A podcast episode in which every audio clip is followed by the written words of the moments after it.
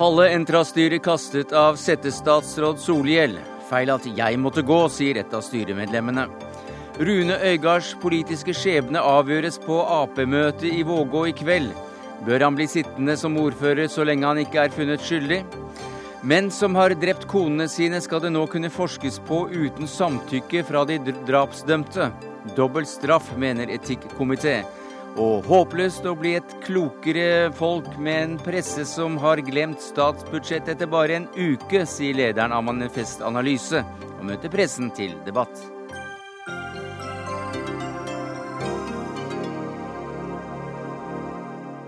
Ja, det er noen av sakene i Dagsnytt 18 denne mandagen, der vi også tar debatten om hvorvidt medienes muligheter bør begrenses i saken mot Vågå-ordføreren. Men eh, først til Entra-saken, som i dag fikk en slags avslutning, iallfall uh, foreløpig, da settestatsråd Bård Vegar Solhjell informerte om at halve styret blir skiftet ut. Hvorfor eh, statsråden vil gjøre dette, forteller han oss selv etter hvert. Men han vil ikke treffe deg for åpen mikrofon, Ida Helgesen. Du er styremedlem, eller var styremedlem inntil da nylig. Så hvorfor tror du at du fikk sparken i dag? Jeg eh, tror at og mener at det var et stort behov for å få på plass et nytt styre. Og jeg er veldig glad for at styreleder og nestformann eh, fortsetter. Det tror jeg skaper nødvendig kontinuitet for å være til beste for selskapet. Men så var det behov for nytt blod, og da måtte de også gi plass til det. Mm. Og da med tre nye inn og to av de eksisterende blant de eksterne valgte styremennene. Det tror jeg ble en fornuftig balanse mellom da å få nytt blod og kontinuitet. Men de to andre som må gå, de hadde jo da stemt eh, for eh, at eh, styret skulle utnevne denne omstridte personen som, som ny leder for selskapet. Men du hadde ikke stemt for det? Det stemmer. Jeg stemte som styreleder og nestleder for en annen kandidat. Mm. Og Likevel måtte du gå. Hva syns du om det? Jeg kunne godt tenkt meg å fortsette, men igjen, jeg ser at eh, det er viktig for selskapet å få inn nytt blod. Og det er også viktig for de nye styremedlemmene at de ikke har følelsen av at det er en fastlåst eh, beslutningsmønster i dette styret. Mm. Selv om jo styreleder bare hadde sittet der noen måneder, og jeg bare hadde sittet der et år. Styrets eh, leder og nestleder får altså da, da, sitte, som du sa, fordi de har gjort jobben sin på en korrekt og kompetent måte, sa Solhjell på pressekonferansen i dag. I motsetning til deg, da kanskje? Jeg har ikke hørt uh, at det var i motsetning til meg. Jeg opplever det ikke slik, uh, ut fra de samtaler jeg har hatt med eieren i dag. Og du sitter eh, ganske trygt i uh, ulike styrestoler uh, uansett. Neste uke skal du inn på et strategimøte for å avgjøre Norges Banks strategi, så du er, ingen, du er, ikke ukjent med styreverv, for å si, det slik. Men du må nesten, siden vi har deg, fortelle litt om hva som skjedde da Olsø altså da ble ansatt som administrerende direktør. Mediene har fremstilt dette omtrent som et kupp i styret i Entra. Hva var det som skjedde? Nå har jo media fått tak i veldig mye i denne saken. Eh, også at det allerede i begynnelsen av mai eh, var et forsøk på en fast ansettelse av Rune Olsø. Det var jo på et tidspunkt hvor selskapet ikke hadde administrerende direktør, og det var snakk om å konstituere Rune Olsø. Eh, det var diskusjoner i styret, og det lå an til at det var et flertall som ville ansette uten en evaluering av vedkommende. Uten at man hadde vurdert om det var andre kandidater, interne eller eksterne. Er det en vanlig framgangsmåte? Dette er helt uvanlig, og etter min mening så var det en helt uforsvarlig saksbehandling, nærmest i strid med aksjeloven. Det. Eh, det ble stoppet. Eh, det fant jo også sted eh, rett opp oppi at det skulle være styrevalg, og vi visste at det skulle komme inn ny styreleder. Så det i seg selv tilsa jo at man ventet med ansettelse. Mm. Så da nytt styre var på plass, så fikk vi snakket oss sammen i styret om at det var riktig å gjøre en ekstern headhunting for å se om det var eksterne kandidater. Også gjøre en vurdering av interne kandidater og den ledergruppen i selskapet. Og da vi da kom etter sommeren og fikk eh, konklusjonene fra det rekrutteringsselskapet, så viste det seg at styret var delt i to. Og at styreleder sammen med nestleder og undertegnede, vi utgjorde da et mindretall. Så da kan du si at i sak så var jeg da uenig med flertallet. I prosess syns jeg det var helt bemerkelsesverdig å skulle ansette en administrerende direktør mot styreleders eh, votum. Eh, og det førte til at for så vidt saken ble utsatt. Eh, og styreleder jobbet da med å finne frem til kompromisser som styret kunne samle seg om. Og når vi da kom til september, så ønsket ikke flertallet lenger å jobbe frem kompromisser, men å klubbe dette gjennom mot styreleder og da mindretallets vurdering.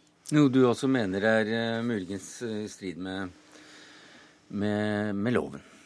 Vel, jeg syns det å, å, ansette en person uten at det foreligger et, en evaluering av vedkommende, det syns jeg er helt på kanten. Mm. Eh, når vi kom etter sommeren, så forelå det en evaluering, så da var problemstillingen eh, hvem anser man som best egnet? Og neste problemstilling å ansette en mot styreleders votum.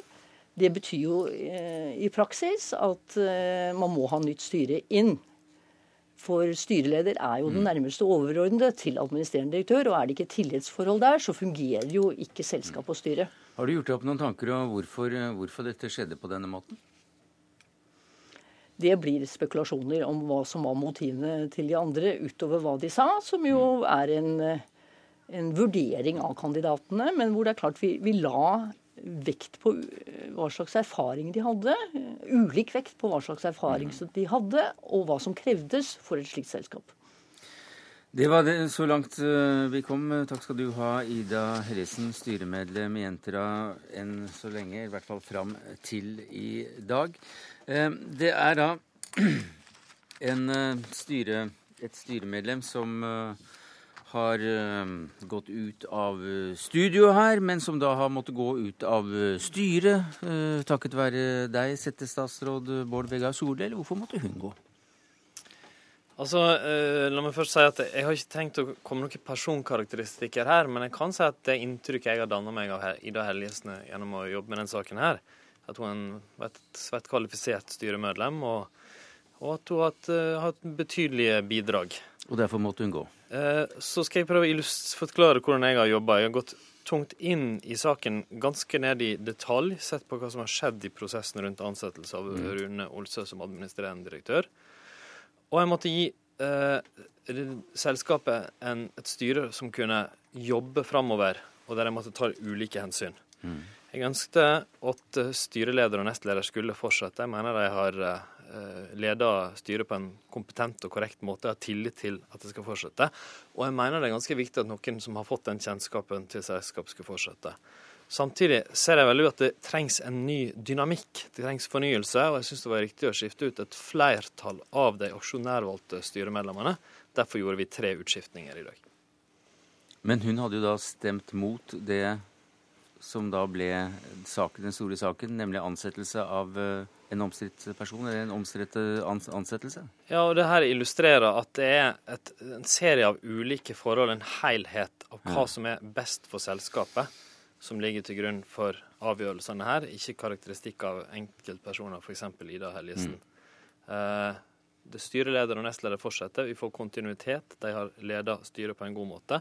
Men vi får òg inn nye mennesker evne til å se saken, Saken sakene tatt tak i nye utfordringer og komme med friskt blod. Det sier vel noe at eh, da Ida Helgesen også syns det muligens eh, var et ganske klokt valg å gjøre det på denne måten, men altså ikke var enig i at hun selv måtte gå. Første nestleder i næringskomiteen for Høyre på Stortinget, Svein Flåtten. Hva syns du om dagens redegjørelse fra settestatsråden?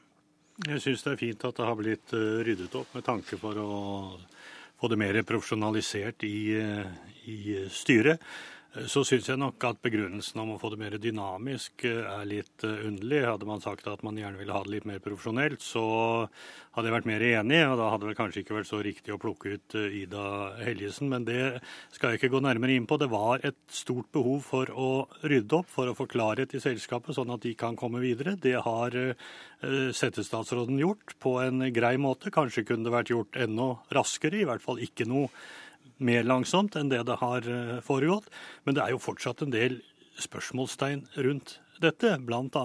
tidlig i prosessen, og hvorfor ikke det kom en settestatsråd tidligere, når man visste om problematikken rundt ansettelsen av Olsø og det som kunne være en, eh, en forbindelse mellom Olsø og statsråd Giske. Kunne gått fortere. Altså, jeg, jeg har jobba ganske grundig og raskt med saken, og jobba så raskt som forsvarlig. Jeg er veldig sikker på at vi alle var mer tjent med at vi kommer med en god løsning som kan stå seg, enn at den kom før helga snarere enn rett over helga. Så vil jeg få svare. Altså, jeg mener at altså, Trond Giske ba om å få vurdert sin habilitet raskt etter at Rune Olsø ble konstituert som administrerende direktør, fordi de er venner. Han fikk svar fra Lovavdelinga at han kan håndtere alle vanlige forhold til Entra, men ikke det som er til særlig gavn eller ugavn for Rune Olsø. Så meldte han seg inhabil i det. Har ligget i saken, unna saken etter det. Så ble jeg oppnevnt som settestatsråd nå eh, for de spesielle forholdene, det, og det har da gitt anledning til at vi nettopp kunne komme videre. Nå kan styret gyve løs på nye oppgaver, og ikke minst bidra til mer ro, sånn at de kan få jobba med det de virkelig mm. skal, nemlig eiendom. Mitt poeng er at eh, departementet og antagelig statsråd Giske hadde kunnskap om problemene rundt eh, ansettelsen og stridighetene i eh, styret på et mye tidligere tidspunkt, allerede før sommeren, det jeg har lest meg til. Og da ville det være naturlig faktisk å få vurdert sin habilitet i den forbindelse. Så Settestatsråden har jo ikke brukt så veldig lang tid. Det er ikke noe stor kritikk om han kom på fredag eller om han kommer mm. i dag. spiller ikke så stor rolle. Men det som foregikk på et tidligere tidspunkt, er viktig. Og ikke minst hvordan kanskje også utvelgelsen av styremedlemmer foregår i departementet når ikke man har valgkomiteer i selskapet f.eks. Ja, hva mener du med det? Jeg vet ikke hvordan det foregår. Men eh, det foregår selvfølgelig på den måten at eh, departementet ved statsråden får innspill, bestemmer seg for hvem som skal velges, men det er ingen prosesser som er etterprøvbare eller dokumenterbare på noe vis. Nå ønsker ikke jeg et voldsomt byråkrati rundt dette, men kanskje noe mer å holde i, sånn at man kan se hva som er foregått i etterkant. Altså Det er et viktig prinsipp i forvaltningen som ikke minst Stortinget ofte er opptatt av, nemlig at statsråden har ansvar for alt som skjer i sitt departement uansett, og må ta det ansvaret utad. Og f.eks. oppnevnelse av styremedlemmer. Så vet jeg at det er et ganske grundig arbeid som foregår med det i Nærings- og handelsdepartementet. Det gjøres evalueringer, grundige screeninger, eh, arbeid med å plukke ut kandidater. Ett eksempel er Ida Helgesen, som ble oppnevnt og som har blitt brukt som styremedlem etter at man har sett henne være en kvalifisert og dyktig person i norske styrer. Og Det er den typen prosesser som har vært her òg. Men, men, så skjer det av og til at styrer byttes ut fordi det er behov for endring, eller at det oppstår veldig spesielle situasjoner. Og jeg tror vi kan være enige om at dette var en ganske spesiell situasjon der det var behov for mm. endring og et ro rundt selskapet? Jo, men det er ikke det jeg er opptatt av. Jeg er opptatt av det som ledet frem til dette. Altså hvordan man eh, plukket ut de styremedlemmene som nå er blant de som man ikke lenger kunne ha. For det at de som settestatsråden har sagt tidligere i dag, mm. ikke lenger var kompetente, eller i hvert fall så var de som ble igjen kompetente. Det er den utvelgelsen som jeg mener at man bør ha noe mer innsyn i. Og Denne saken viser jo tydelig at man hadde trengt innsyn i det for å slippe spekulasjonene. Så for å gjøre en lang historie kort, det som man i hvert fall bør gjøre i departementet, og også statsråd Giske, det er å lære av det mm. som har foregått. Takk skal du ha, Svein Flåtten, første nestleder i næringskomiteen for Høyre på Stortinget. Bård Vegar Solhjell, settestatsråd i Entra-saken for næringsminister Trond Giske, som da var inhabil. Vi skal ikke slippe saken uh, riktig ennå, for inn i studio her så kommer uh, Sofie Mathisen. Vær så god, Mathiassen. Vær så god, sitt. Du er politisk redaktør i Dagens Næringsliv, og dere har da fulgt denne saken svært tett. Hva synes du om Solhjells avgjørelse i dag? Jeg syns Solhjell var en god næringsminister. ja, Jeg syns han gjorde akkurat det han burde. Jeg mener at det aller viktigste nå var å gi et signal om hva slags styremedlemmer staten ønsker i sine selskaper. Og da var det riktig å kaste kuppmakerne, mm. og så var det riktig at de andre fikk sitte. Det, og da fikk styreleder og nestleder sitte, og det var det viktigste. Så nå har han gitt et signal om at den type opptreden med kuppe dagsorden og rå flertallsbruk av makten, det, sånt vil vi ikke ha i styrene. Hva sier du til dagens avgjørelse, Steinar Medios økonomikommentator her i NRK? Nei, jeg er nok helt enig at det var en klok uh, avgjørelse, og at den er balansert, uh, kanskje litt politisk ved at man hiver uh, også Helgesen ut her. Men, men jeg syns at dette er veldig fornuftig, og at det kan skape en type ro i selskapet. Til her og nå i NRK så ville ikke styreleder Siri Hatlen gi noen klar beskjed om Rune Olsøs fremtid som administrerende direktør i Entra. men men det ligger vel kanskje i korta? Jeg syns det er underlig hvis Olsø insisterer på å bli sittende, når han vet at styreleder og nestleder har aktivt stemt imot å ha han der. Og jeg syns at det gir uttrykk for en eh, litt lite profesjonell vurdering fra konsernsjefens side. Så for å ivareta sitt eget rykte bør han kanskje trekke seg. Hva med ryktet til Giske her, da? Nei, jeg, jeg, han har fått et litt svekket rykte i forhold til å sette sammen profesjonelle styrer. Det må sies. Han har jo sikkert fått noen forslag fra sin, sin eierskapsavdeling. Eh, og nå har han på mange, mange måter blitt korrigert av sin settestatsråd, og mm. dvs. Si resten av regjeringen. Og det var helt nødvendig. Jeg mener at det er ett spørs politisk spørsmål som gjenstår eh, nå, og det er hvorvidt eh, Giske ble informert om konflikten i styret som gjaldt hans venn Olsø, mellom at han erklærte seg inhabil i april og siste styremøte 26.9. Hvorfor er det viktig? For Hvis han ble informert om at det var en konflikt i styret knyttet til hans venn, og han ikke gjorde noen ting, så er det også en beslutning. Og han var jo inhabil, så han kunne ikke fatte en beslutning. Mm. Så selv om hvorvidt det var nødvendig å gripe inn, det vet ikke jeg. Men eh, hvis det var slik som Helgesen sier, at det var et, lå an til at et flertall ville ansette en styreleder uten å vurdere andre kandidater, og på siste styremøte før ny styreleder skulle tiltre, så mener jeg at det er jo en ganske mm. viktig å, å, gjøre noe med. Og det var, dette var rett før generalforsamlingen. Hva sier du til det, Beate Sjåfjell? Du er professor ved Det juridiske fakultetet i Oslo. Du er ekspert på selskapsrett. Ja, det, det, jeg kan si om eh, dagens løsning, er eh, å si meg enig i det som har blitt sagt, at det i seg selv virker fornuftig. Mm. Eh, men dette er jo da et forsøk på å rydde opp i en situasjon som tilsynelatende har vært uheldig veldig lenge. Eh, og som eh, vel er eh, et tegn på at staten generelt har en tendens til å opptre veldig uryddig som aksjonær. Mm -hmm. Det mener du? Ja, mm. det, det, mener jeg. Det mener vi har sett i, i mange forskjellige sammenhenger hvor, eh, hvor, staten enten ikke følger eh, aksjeloven eller allmennaksjelovens bestemmelser, eh, eller i hvert fall ikke gjør det på en sånn måte at det er mulig å se at det blir gjort. Men til den konkrete saken her, altså, hva med vedtaket om å ansette Olsø, om det kan ha vært ugyldig, som vi hørte? Mm, det er godt mulig at, at det er ugyldig. Mm -hmm. Det må man jo gå nærmere inn i saken for å vurdere. Ut fra? Men det er grunn til å stille spørsmål om det her har vært et tilfredsstillende beslutningsgrunnlag. Fordi eh, det å ansette daglig leder er jo noe av det viktigste eh, og mest alvorlige som, som styret gjør.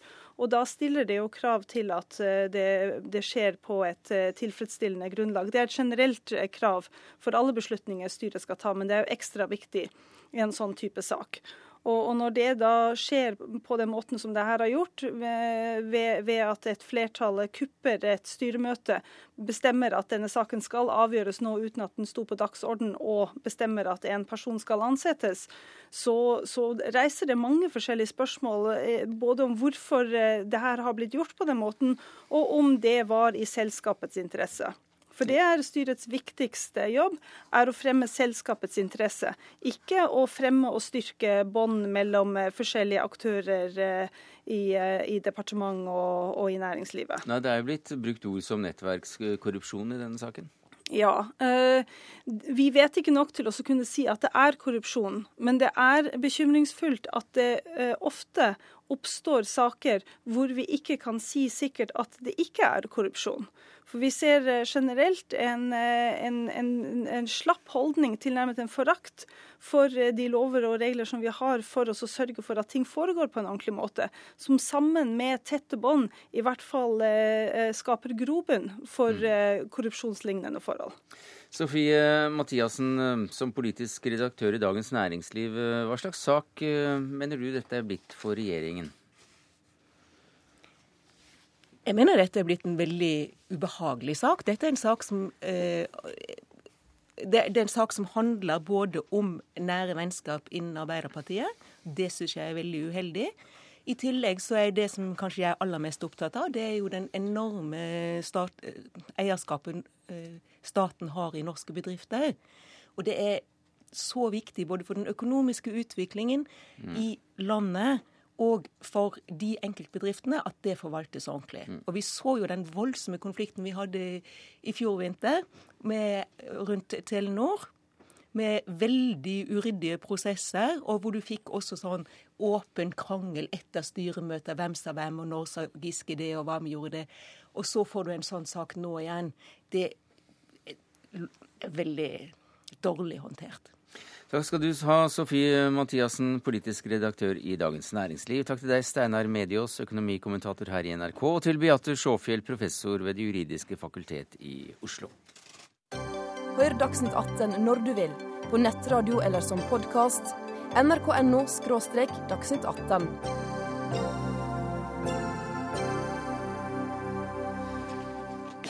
I helgen ba partileder Jens Stoltenberg ordføreren i Vågå om å trekke seg. Partisekretær Raymond Johansen sa det samme allerede fredag. Fylkeslaget fulgte på. Selv sier ordføreren at han ikke ville trekke seg. Og nå klokka 18 startet et møte i Vågå Arbeiderparti som da skal avgjøre Ja, hva skal de egentlig avgjøre, Magnus Takvam, du er politisk kommentator her i NRK? Ja, Lokalpartiet skal ta stilling til eh, det du nettopp nevnte. Altså det at partiledelsen ved partisekretæren og Stoltenberg har anmodet Øygard om å trekke seg fra ordførervervet i Vågå. Eh, nå skal hans eh, nærmeste politiske allierte, så å si, også ta standpunkt i akkurat den saken. Har de Eh, er de enige med Raymond Hansen og Jens Stoltenberg? Vil de også si at eh, Øygard gjennom sin eh, det som er blitt kjent i retten, særlig på fredag, ikke har den tillit som er nødvendig for at han kan fortsette som ordfører. Maria Ekerholt, du følger møtet i Vågå, i hvert fall utenfor bygningen, og er der omtrent det skjer. Hva, hva skjer inne i bygningen nå?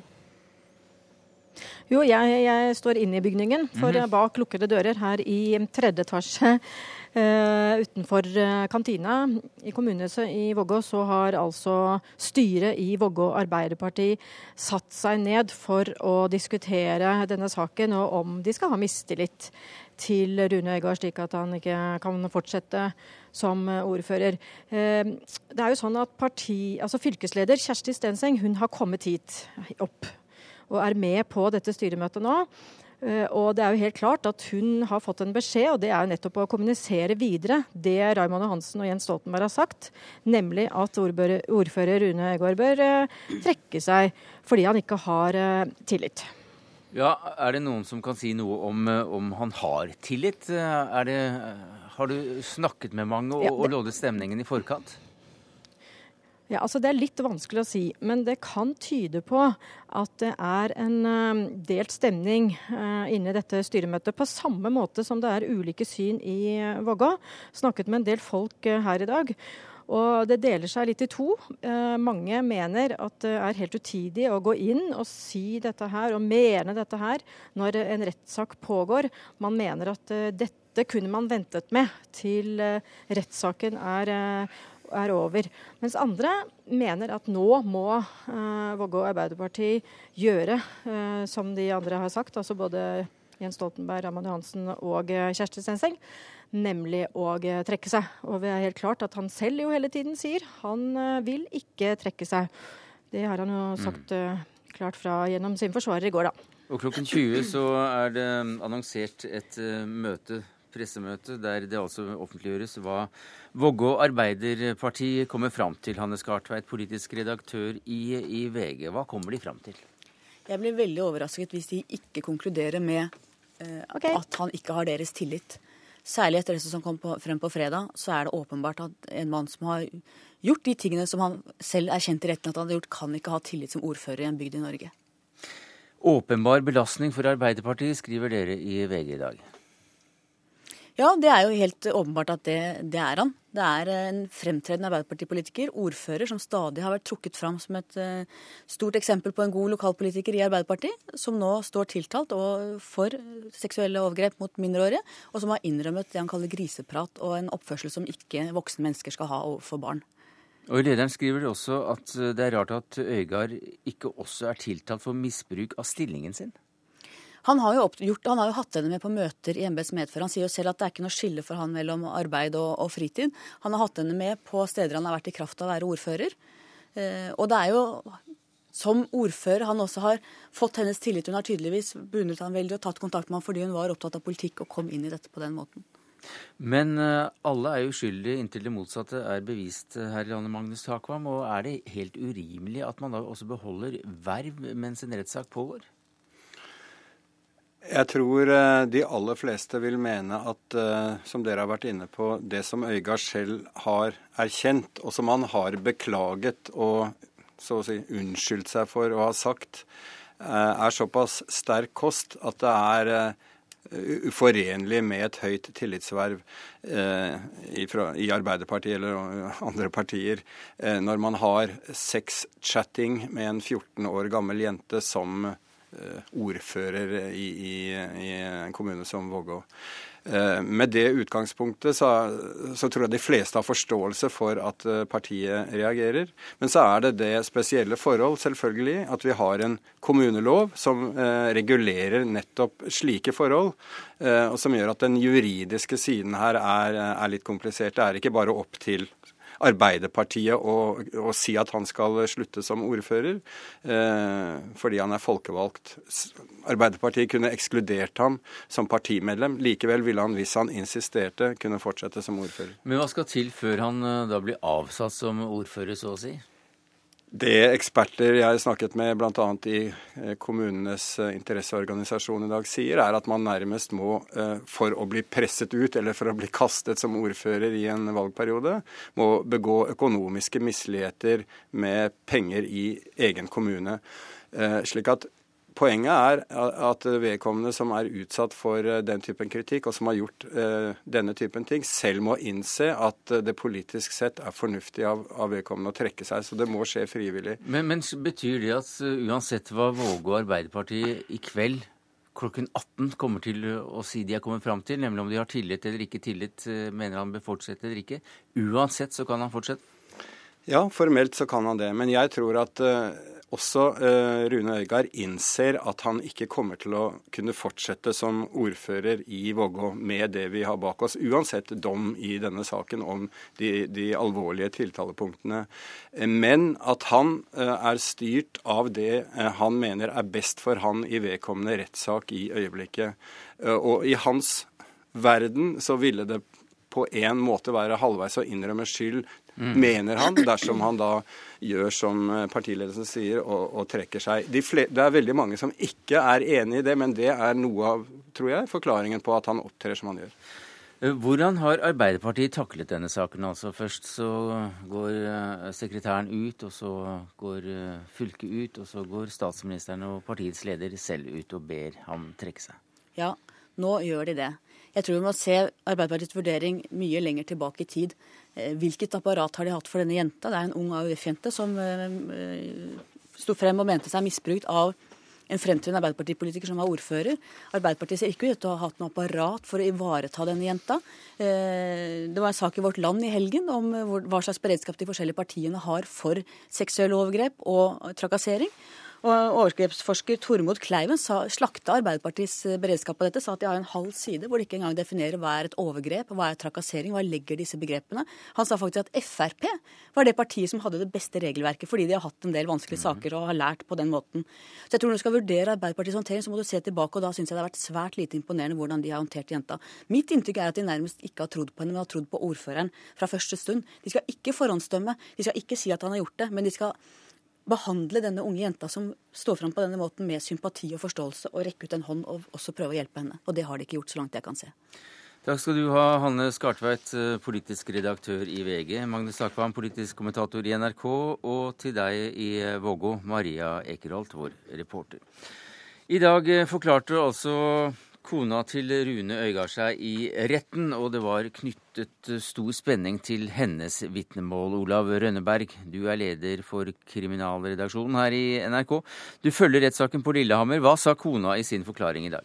Ja, Hun støttet i det store og det hele opp om Rune Øygards forklaring for retten her. Hun forklarte seg om bekjentskapet med denne unge jenta, hvordan jenta hadde kommet inn i eh, ekteskapet til Øygard og kona. Hun sa en del om denne chattingen som vi har hørt om via internettjenesten Skype, og ga noen forklaringer på det som hun mener var naturlige. Eh, og hun sa også noe om Øygards forhold til jenta og hans overnattingsturer sammen med jenta. Kona forklarte også at hun mener det ikke var noe unaturlig i at Øygard og jenta sov i samme seng. Hvilken betydning eh, kan hennes vitnemål eh, få for saken? Det er klart at det er et vitnemål som bygger opp under Rune Øygards eh, forklaring, som vi altså har hørt. og Det kan jo få betydning når skyldspørsmålet her skal avgjøres. Til syvende og sist, som vi har vært inne på tidligere, så skal jo retten her ta stilling til om de tror på Rune Øygard eller på denne unge jenta. Og Da kan konas vitnemål bli tillagt en viss vekt. Får vi se når retten kommer dit, hvor mye vekt de legger på kona. Ellers fikk Øygards forsvarer mye oppmerksomhet i dag da hun ba om et møte med dommerne og, og motparten på bakrommet. Hva var det hun ville? Mette Yvonne Larsen tok til orde for at pressedekningen i denne saken må innskrenkes. At eh, lekkasjene til pressen må opphøre, og at spekulasjonen i media, som hun kaller det, eh, må foregå i mindre grad. Hun mener det er ødeleggende for sakens opplysning. Eh, og Hun sa jo også da at hun mener at vitner i saken her har blitt både truet og presset, både av journalister og av privatpersoner. Hun skal stå ved siden av deg, så hvis du kan gi henne både mikrofon og, og headset, så kan vi høre med forsvarsadvokaten eh, til den siktede selv, Mette Yvonne Larsen. Eh, hvorfor eh, ba du om dette på bakrommet i dag? Ja, Nå kommer hvert øyeblikk Mette Yvonne Larsen her. Hvis du ja. bare får gitt henne mikrofon. Og noen sekunder her så har vi Mette ja. Yvonne Larsen på linja vår her fra, fra Lillehammer. Hallo. Hallo, Mette Yvonne Larsen. Hei. Vi har nettopp uh, hørt uh, vår leder for krimredaksjonen i NRK forklare, eller fortelle hva du sa eller ba om på, på dette bakrommet. men hvorfor ba du om at pressens muligheter for å jobbe måtte bli noe innskrenket, og at du ville følge med fra dag til dag for å se om det kanskje burde bli en lukket rettssak av det?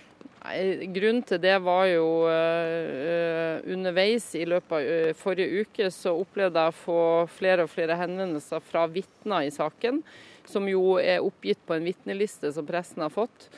Hvor de opplevde å få veldig ubehagelige henvendelser fra, fra journalister. Og i løpet av helga så var det jo flere av vitnene som ble trua. og da først og fremst av privatpersoner, men det var i hvert fall ett vitne som ønska å gå til politiet med det han opplevde som press og trusler fra en journalist.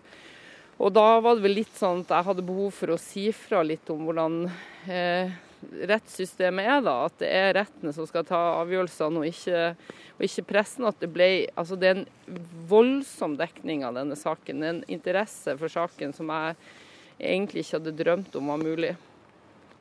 Men eh, det, fra det og til å, å, vurdere lukking av retten er kanskje et uh, lite sprang? Ja, absolutt. Jeg ba jo ikke om lukka rett. Jeg så jo at noen av mediene mente at jeg hadde gjort det og ikke fått medhold, men det var ikke det som skjedde. Det som skjedde var at jeg, at jeg gjorde oppmerksom til retten på at det var skjedd en del ting, men at vi ønsker å ta et drøftingsmøte på bakrommet. Og på bakrommet skal jeg ikke røpe hva som skjedde, annet enn at det alle aktørene var enige.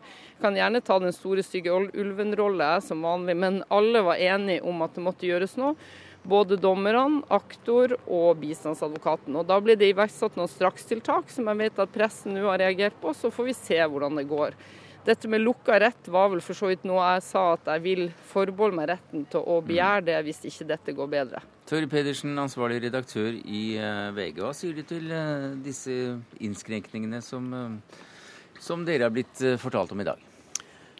Ja, nå er det litt vanskelig for å forstå lovhjemmelen for det, men jeg syns vel i utgangspunktet ikke det er noen stor sak. Det viktige her er at eh, retten eh, så langt har gått for åpne dører. Og det er jo blitt eh, svært godt dokumentert at det har vært nødvendig. Fordi at Rune Øygard har jo stått frem i riksdekkende TV og riksdekkende aviser og eh, fortalt eh, om sin eh, oppfatning av saken, altså som en omsorgsperson for denne Eh, unge eh, piken. Og så kommer det da frem i retten på fredag at han fra ordførerkontoret har drevet eh, seksualisert chat med en 14-åring.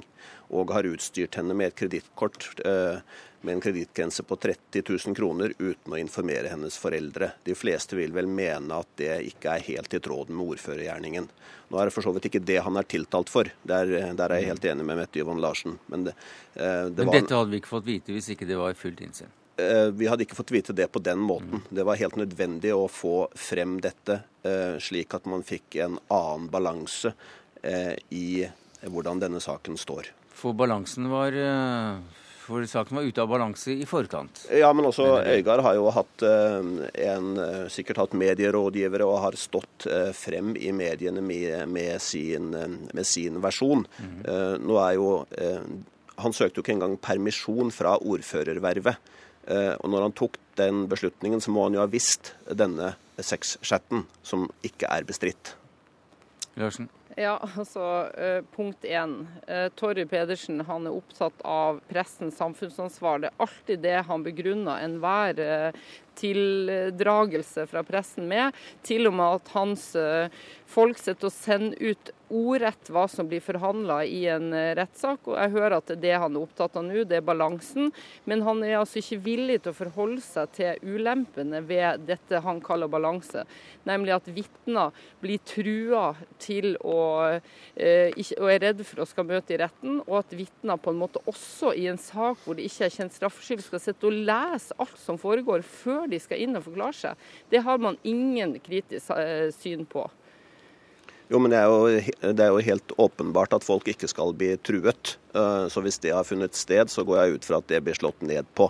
Når det gjelder eh, vitneførsel, så er det jo slik at selv før internett så skrev avisene utførlige rettsreferater, og TV dekka vitnene. Og Svært mange saker av denne type går jo til ankebehandling, og da må jo nødvendigvis vitnene ha lest mediene. Ehm, så jeg ja, syns vel ikke det, det er noe det er særlig noe valid argument. argument. Altså, Dere sitter og lager, skriver logg og skriver ordrett sånn at alle vitnene Man er så redd for at vitner skal befinne seg inne i salen, er dommeren, mens man kan sitte på nettet og lese VG sitt fulle referat av hva hvert enkelt vitne forteller i en sak hvor det ikke er kjent straffskyld. Dette er et problem, og det vil bli et problem også i framtida. Men nå er det ikke riktig at vi siterer ordrett fra denne saken, eh, Larsen. Vi gjorde det nærmest ordrett i Eh, rettssaken mot Behring Breivik. I denne saken har vi ikke den type dekning. Nei. Men det er et problem til, og det er at journalistene, eh, som du helt sikkert er kjent med, de ringer altså opp vitnene på forhånd. Eh, og ringer dem flere ganger. Pusher dem i forhold til at de skal stå fram med ting, og ber dem om å komme med informasjon. og det er helt utidig at journalister skal drive og ringe vitner som er på vitneliste. Det kan være straffbart hvis, man, eh, hvis vitnet kvier seg for å møte, og det syns jeg kanskje også at dere bør ta en debatt på. Er det riktig at journalister skal ringe vitner i forkant? Hva er poenget med det egentlig? Ja, sånn er det jo slik at uh, både, Jeg syns både pågående journalister og et aggressivt forsvar er uh, legitimt i et demokratisk samfunn. Uh, men begge parter må oppføre seg ordentlig, så der er vi enige. Men det er jo slik at en medienes rolle er fullstendig forskjellig fra Mette Yvonne Larsens rolle. Hun skal være en god forsvarer for sin klient i og utenfor rettssalen.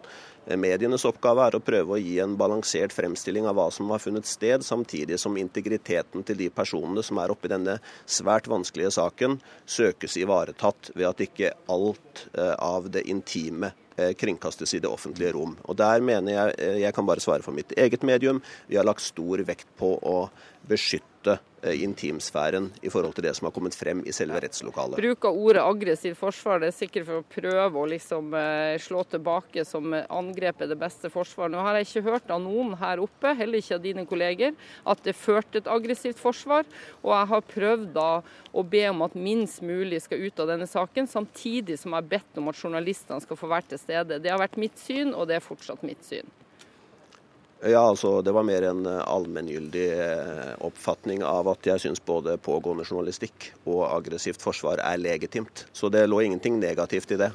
Men hva, hva, skal da til før du, før du mener at saken, at salen bør lukkes for, for, i hvert fall for pressen? Nei, det er jo hvis, man, hvis jeg opplever enda mer altså ikke sant, Det sitter jo mange folk der ute som uh, leser alle referatene. Og, og, det at man lar være å få fram ting også, er jo, det er jo bra, men det kan også gi et skjevt bilde. Det sitter mange folk der ute som da pusher vitner, lager Facebook-profil mot vitner, uh, sender dem tekstmeldingen av truende karakter. Og hvis det der fortsetter, så ser ikke jeg noe annet råd enn at man ikke får anledning til å referere så mye av hva som skjer i rettssalen.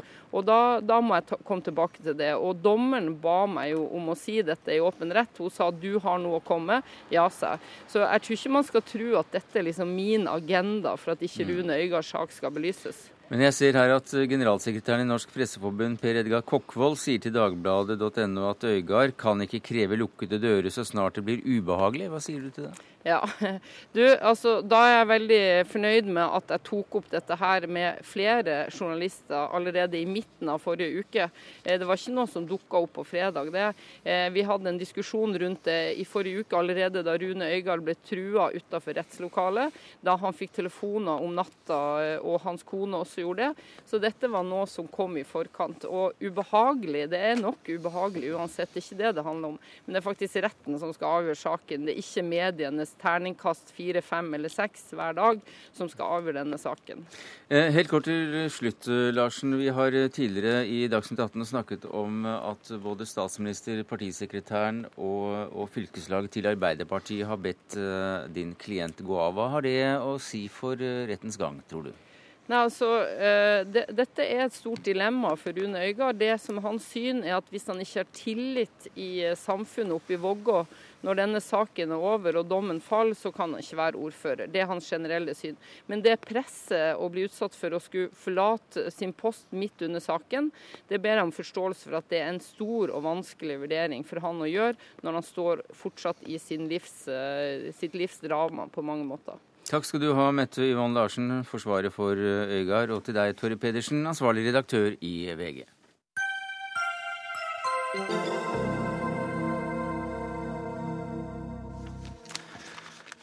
Ja, I eh, forrige uke ble statsbudsjettet eh, lagt fram. Det var en glimrende anledning til folkeopplysning og debatt om økonomi. Og gjør mediene jobben sin denne dagen, kan vi leve med mang en forside om flott resten av eh, året. Det skriver du i Aftenposten som leder av Manifest Analyse, Julie Lødrup. Besto mediene denne testen i år?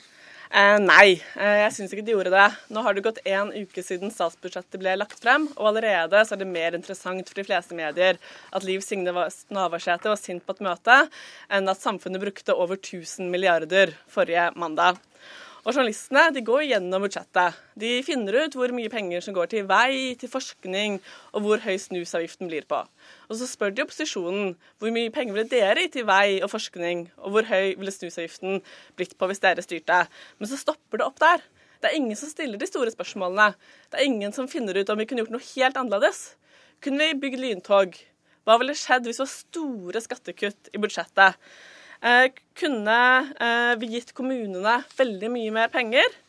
Eh, og hvordan ville egentlig samfunnet og statsbudsjettet sett ut med en annen regjering, bortsett fra litt mer eller litt mindre penger mm. til vei? Det er på en måte ingen politiske veivalg som blir trukket opp. Og da sier du at det blir for mye lupe her, og for lite luftballong? Ja. Eh, og man lar også alltid eh, forbrukerøkonomer være ekspertene i sakene. Uh, og de får lov til å være overdommere uh, og si sannheten om statsbudsjettet med stor S. Men så er det ingen som spør om ikke de også har særinteresser i statsbudsjettet. De vil jo f.eks. ofte tjene penger på at de kutter i helse. For det blir lettere for Mm. bankene de jobber i, å selge private helseforsikringer. Eh, og de må gjerne si det, og de må gjerne mene det. Men når media er så opptatt av å f.eks. representere landbruk eller politi som særinteresser, er det veldig rart at forbrukerøkonomer får bli objektive dommere. Hva sier du til det, Stein Bjøntegård, som nyhetsredaktør her i NRK etter denne gravsamle salven? Jeg syns det er en interessant kritikk. Den er for så vidt legitim som kritikk, men, eh, men den, eh, den overdriver. Altså, hun overdriver. og alle disse spørsmålene om eh, press i økonomi og sånn stilles. Eh, Når partiene kommer med sine alternative budsjetter, så analyserer vi dem også. Og eh, det er klart at vi må jo vi kan liksom ikke begynne å tegne våre egne politiske bilder over hvordan eh, samfunnet bør eh, bruke pengene. Og det er veldig få kroner egentlig i forhold til de 1000 milliardene som blir flyttet i et statsbudsjett. Det er helt meningsløst å snakke om den store summen, fordi flesteparten av de er låst for mange år siden. Men er det ikke et av poengene dine at man burde kanskje snakket om akkurat hva som hadde skjedd hvis man flyttet mye mer? Uh, ja, jeg mener jo det. Eh, s- nå har jo eh, regjeringen igjen lagt opp til et budsjett der privat sektor vokser veldig mye. Offentlig sektor vil også vokse, men eh, mindre. Og kunne det vært annerledes? Så de store veivalgene, er vi, blir, mister vi de av syne i jakten på eh, gode nisjedebatter? Jo, men det er, I det politiske landskapet så er det en del partier, og nå sitter antageligvis de partiene som eventuelt skulle ha klaget på at det ble brukt for få offentlige penger. De sitter antageligvis i regjering. Problemet er da eh, eventuelt at SV sitter i regjering og er med på dette. Skal vi da eh, ta den rollen at vi liksom mener at nå må vi bruke mer penger? Og det gjør vi egentlig nesten hver dag med kritikk av helsevesen og alt mulig.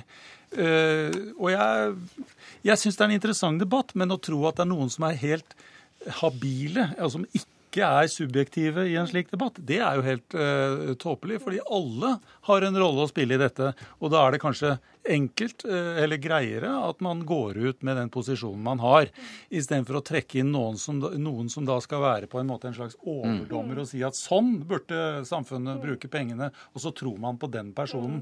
Uh, Når du sier at disse sjefsøkonomene har for stor rolle, ja det kan jeg være med på å diskutere. Det kan godt hende er riktig. Hva tror du om det, han Skartveit, fremdeles politisk redaktør i VG? Bruker eh, mediene eksperter for mye som også faktisk er aktører? Eh, Jeg kan svare for VG. Vi prøver å være varsomme med det. Vi bruker stort sett egne folk fra de som jobber i Dine penger hos oss, eller E24, eller egne kommentatorer. Og vi har også satt ned et eget ekspertpanel med bl.a. Professor eh, Karin Helene Ultveit Moe, eh, folk fra BI, Jon Arne Isaksen.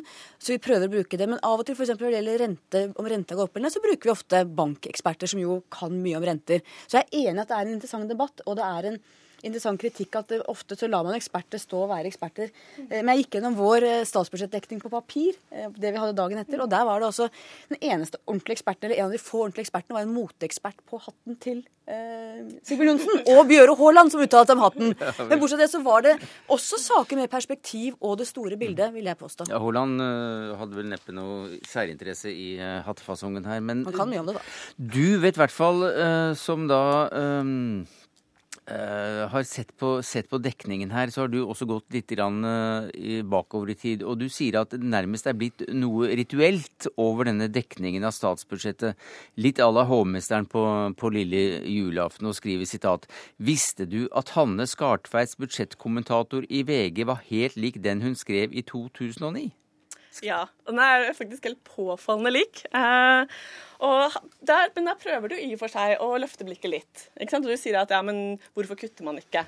Eh, og det eh, er jo egentlig veldig eh, bra at noen eh, gjør det. Men jeg syns også at det er litt lite faktabasert, all den tid offentlig sektor ikke vokser noe særlig. De går kanskje to skritt frem, men privat sektor galopperer ved siden av. Så selv om det er bra å løfte blikket litt, tror jeg at leserne ville fått kanskje enda mer ut av det hvis det var noen redaksjonelle artikler som gikk inn på de spørsmålene du stiller, enn om det er liksom litt den samme kommentatoren som kommer annethvert år.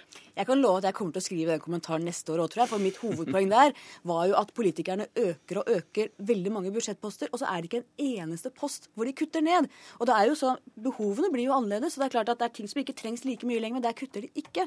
Så dette kommer jeg til å skrive igjen og igjen, tror jeg, helt til det forandrer seg. Men gjør ikke det noe med uh, opplevelsen som, uh, som vi bruker av, av mediene har, da? Nemlig at dette er ganske rituelt, og at uh, det skjer det samme som noen lærere blir anklaget for, nemlig at man bare snur bunken, og så trekker man opp både kommentatorer og, og kommentarer? Selvfølgelig er det rituelt. Det er jo ingen tvil om det. Det har faktisk blitt vanskeligere for oss å dekke dette kritisk enn det var før, fordi vi får budsjettet klokka ti, eller den idet Sigbjørn Johnsen går på talerstolen i Stortinget. Tidligere fikk vi det faktisk noen timer før, hadde tid til å sette oss ned og lese litt, i hvert fall før vi gikk der. Da er vi avhengig av eh, umiddelbare reaksjoner, og det preger jo mye av dekningen. Det er jeg helt enig i. Eh, sånn sett så er det veldig rituelt. Men det er jo også slik at i en eh, når statsbudsjettet legges fram, så må de andre partiene få lov å si sin mening om dette. Og, jeg, og vi har ikke som mål engang å prøve å påvirke mm. dem i hva de skal si. Uh, slik at det er, det er, mye rituelt. Og så slipper, slipper LO til, og, og, så slipper NHO til, og så slipper uh, bankene til, og så slipper den ene og den andre til. Men å uh, framstille det slik at vi nærmest har noen sjefsøkonomer Eh, med særinteresser som vi framstiller som de store uh, objektive personene i dette, det syns jeg er mm. litt uh, overdrevet. Jeg er så enig i at Dagsrevyen-innslagene i år ikke var preget av det, men det var til gjengjeld nrk.no-satsingen. Eh, der de fleste artiklene som handlet om statsbudsjettet, var, eh, spurte man den ene bankøkonomen etter den andre eh, hva de mente om det. F.eks. Liksom, hovedartikkelen der det skulle stå om hva, hvordan statsbudsjettet var som helhet, spurte man økonomene i omtrent enhver bank i Norge, som alle sa nei, dette statsbudsjettet i år, det er helt greit. Og så var det jo også et forholdsvis stramt budsjett. Men regjeringen vet jo at hvis de skulle velge å bruke mer penger et år, så ville alle disse ekspertene, som da deres nettredaksjon henvender seg til, nesten utelukkende, sagt at dette her går ikke an. Som f.eks. vi så i 2009, når de hadde krisebudsjett. Hanne Skartveit, ett poeng står i hvert fall eh, ganske fast her, og det er at én uke etter at statsbudsjettet blir lagt fram, så er det ikke mange som snakker om disse 1000 milliarder kronene. Nå åpna du med å si at vi brukte 1000 milliarder på en dag. Det gjorde vi jo ikke. Dette er jo gjennom hele året. Jeg tror, Hvis vi skal snakke om uh, samfunnsdebattens unnlatelsessyder, så må det jo være alt vi ikke snakker om de andre dagene. For det er klart det er veldig mange økonomiske spørsmål vi bør snakke mye mer om. Balansen mellom offentlig og privat sektor, pengeforbruk både i offentlig og privat sektor. Men da er jeg mer opptatt av de 364 andre dagene enn akkurat den dag hvor statsbudsjettet kommer. Og det er du helt sikkert enig i. Takk skal du ha, Hanne Skartveit, politisk redaktør i VG. Stein Bjøntegård, nyhetsredaktør i NRK. Og til Julie Lødrup, som daglig leder av Manifest Analyse, dro opp denne debatten.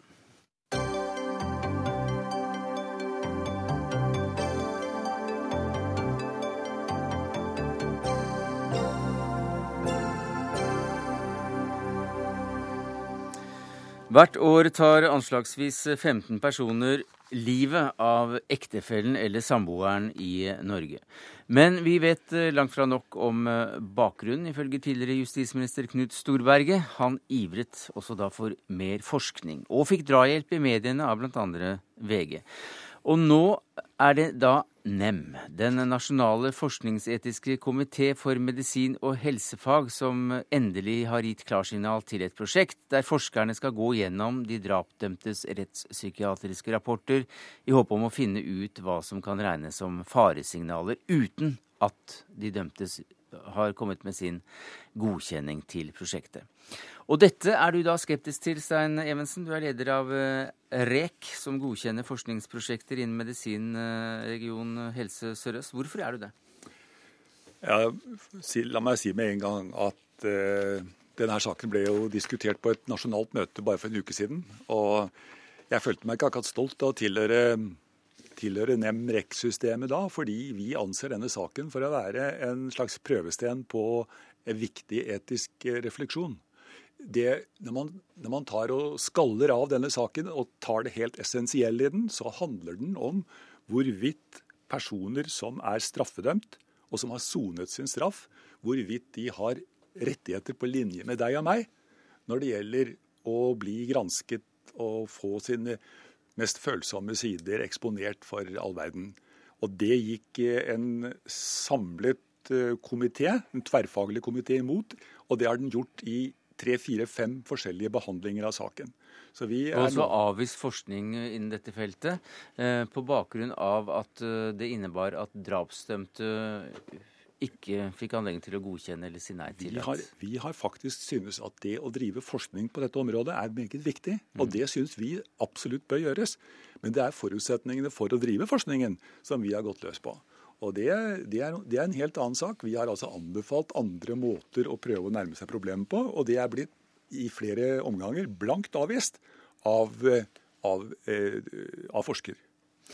Dag eh, Brusgaard, du er professor eh, emeritus, eh, emeritus, i samfunnsmedisin, og du leder NEM, nemlig klageorganet for de som ikke er enig i avslagene som sidemannen din har kommet med, og som nå da har gått mot vedtaket til Evensen her. For dere har godkjent at det forskes på disse rettspsykiatriske rapportene. Hva er det du vurderer annerledes? Ja, For det første så har vi behandlet det i to omganger før, og da støttet den regionale komité. Men eh, denne gang eh, fant vi i en vurdering så kom vi til en annen konklusjon enn en det REC gjorde. Hvorfor det? Jo, eh, fordi at vi, vi, har vurdert for det første at de opplysningene som de, de, viktigste av de opplysningene de ønsker tilgang til, det er de rettspsykiatriske observasjonene. Det er da informasjon som, som de tiltalte har gitt med klar beskjed om at alt dette kan bli eh, fremlagt i åpen rett. Så det er helt andre typer informasjoner enn at man har gått til, til lege eller annet helsepersonell. Så det er ikke, det er ikke så behandling. sensitivt? Bestemt ikke. Mm. Det har vi lagt uh, vesentlig vekt på. Mm. Og det syns jeg er faktisk et slags eh, Jeg er bare lete etter en unnskyldning for å svare ja til denne forskningen. Altså, rettspsykiatriske rapporter hører til noe av det mest sensitive som finnes.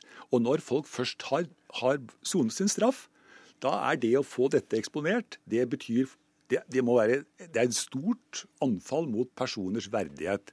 Og Da hjelper det ikke om man sier at det, det kan legges fram i åpen rett. Alle vet at det som legges fram av rettspsykiatriske rapporter i virkeligheten i rettssalen Men det er vel er anonymisert? Anonymisert? Nei, det er det ikke. Det er det ikke. Det er det ikke. Eh, forskerne eh, har jo taushetsplikt. Og de får innsyn i dette. Eh, det er en stor gruppe som skal undersøkes. Så det vil aldri fremgå av rapporter noe som, hvor individer kan gjenkjennes. Men dette er også bare å lete etter en unnskyldning? Det er det definitivt ikke. Vi har altså både den regionale komité og den nasjonale ankekomité har arbeidet seriøst med dette. Dette er altså bredt mm. sammensatte komiteer med juridisk, medisinsk og mm. legkompetanse. Når man, når man leser den uh, kjennelsen som Nem har kommet fram til her, så, så, og leser argumentene, så er det jo utrolig at de når fram til at de vil godkjenne prosjektet. Fordi de uttrykker altså betydelig tvil og har betydelige innvendinger mot de, alle de tre punktene som er helt avgjørende. Så når man leser bare dette gjennom, så jeg, selv var jeg ganske sikker på at de ville ende opp med å si at de, at de avviste klagen. Men det underlige er, er at det ender opp med at de godkjenner. Og jeg, jeg har provosert eh, Brusgaard kanskje en gang før ved å si at, at eh, hvordan i all verden kan man tenke seg at dette kunne skje, hvis ikke det var fordi at Storberget og mediet har kjørt denne saken mm. opp og ned gang etter gang? De ville aldri fått det utfallet uten slik støtte. Det er eh, en ganske drøy påstand. Det har aldri vært et tema i den eh, nasjonale ankenemnden, og som sagt, den er behandlet to ganger før. Så, så dette er en, en, prosess, og det er et prosjekt som har utviklet seg gjennom år og blitt bedre. Eh, og som vi da Vi tok oss det privilegium å tvile oss frem til en konklusjon, og vi har også mm. Det har vi også gitt uttrykk for i eh, konklusjonen. På toppen av det hele så er det slik at når man ikke har tenkt å gjøre noe uten samtykke, da har man altså i henhold til eh, personopplysningslovens bestemmelser, da har man plikt på å, å opplyse de det dreier seg om, hva det er man gjør med, med deres eh, følsomme papirer. Og her har til og med NEM bestemt seg for at det skal heller ikke gjøres. Man skal ikke opplyse straffedømte om at man kikker inn i papirene uten samtykke. Takk skal du ha, Stein Evensen, leder av REC Sør-Øst, regionale komiteer for medisinsk og helsefaglig forskningsetikk. Dag Brusgaard, leder av den nasjonale forskningsetiske komité for medisin og helsefag. Det var det vi rakk i Dagsnytt 18 denne mandagen, takket være ansvarlig for det hele Siri Storstein Hytten. Det tekniske ansvaret hadde Odd Evenrud. Jeg heter Sverre Tom Radøy.